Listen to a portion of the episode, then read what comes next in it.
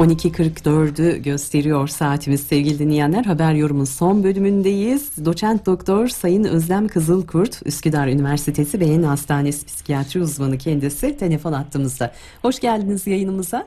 Merhaba, hoş bulduk Özden Hanım. Ee, Dünya Sigarayı Bırakma Günü bugün. Biz de sigara evet. bağımlılığını konuşacağız sizinle.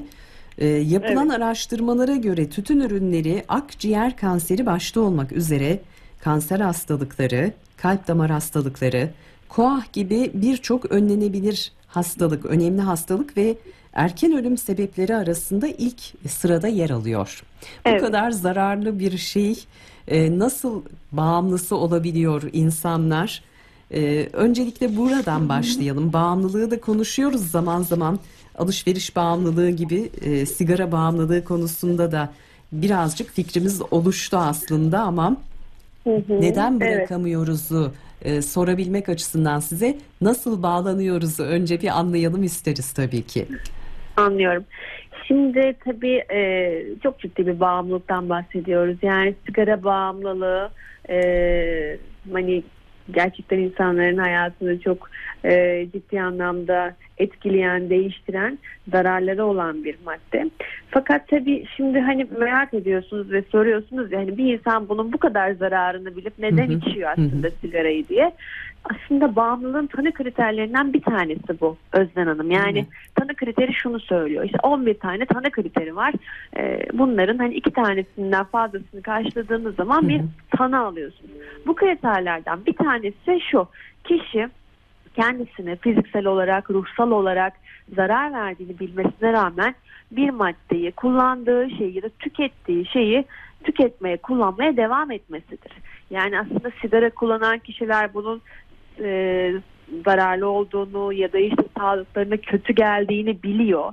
E, bilmesine rağmen kullanıyor. Bu yüzden zaten bir hastalık diyoruz. Hı hı. Yani bağımlılık dediğimiz hastalık böyle bir hastalık hı hı. zaten.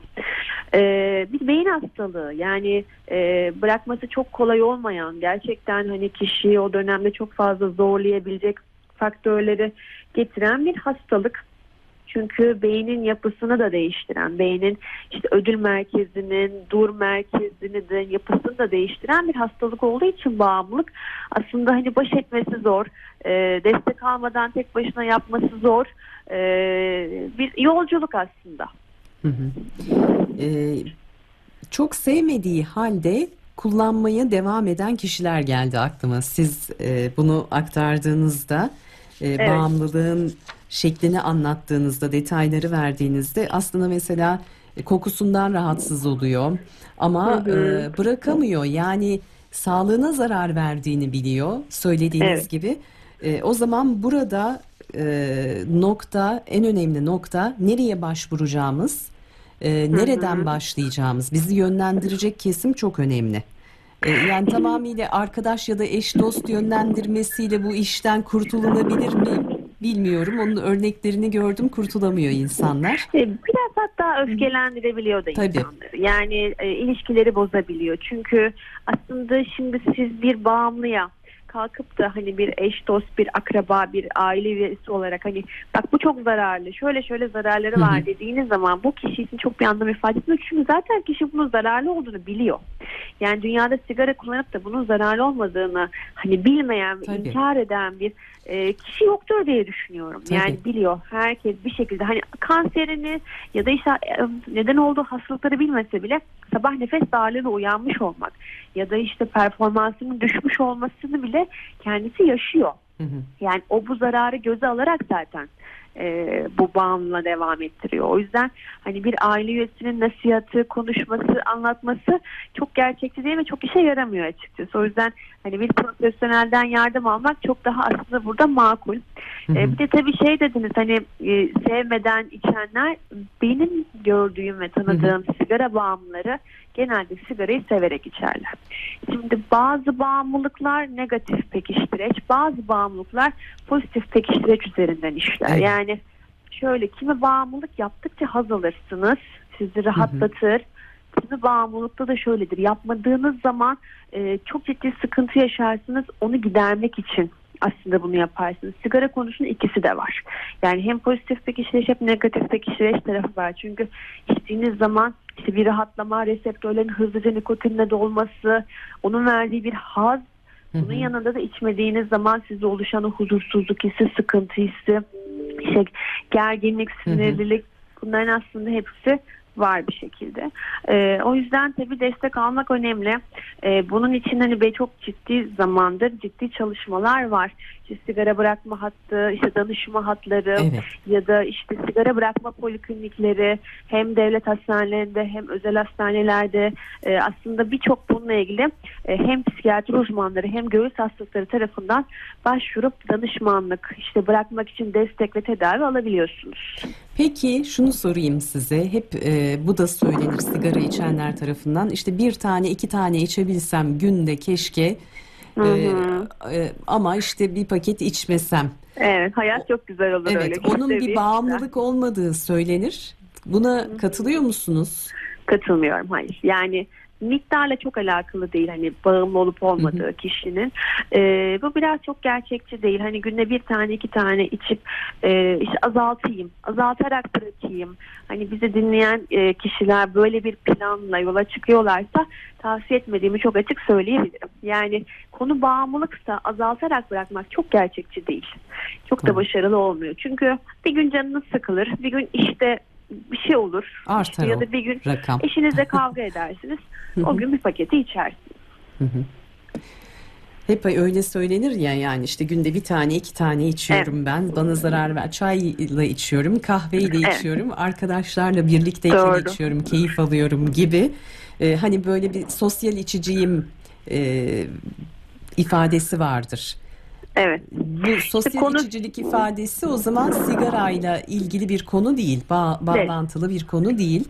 Bırakılacaksa tamamen bırakmak gerekiyor. Tabii yani Hı hı. bir kişi artık bağımlıysa orada ya hep ya hiç mekanizması konuşuyor. Yani ya içersiniz ya içmezsiniz. Azaltmak, az içmek, biraz içmek bunlar çok gerçekçi şeyler değil. Ee, bazı maddelerde zaten hani çok hızlı ve çok şiddetli bir şekilde bağımlılık yaptığı için hani sosyal içicilik gibi bir şey zaten mümkün değil. Yani bazen tek tük ben de duyuyorum işte sadece böyle 40 yılın başı bir tane içiyorum. Yani biz bu insanlara evet hani işte senede iki tane sigara içiyorum, iki daha sigara içiyorum.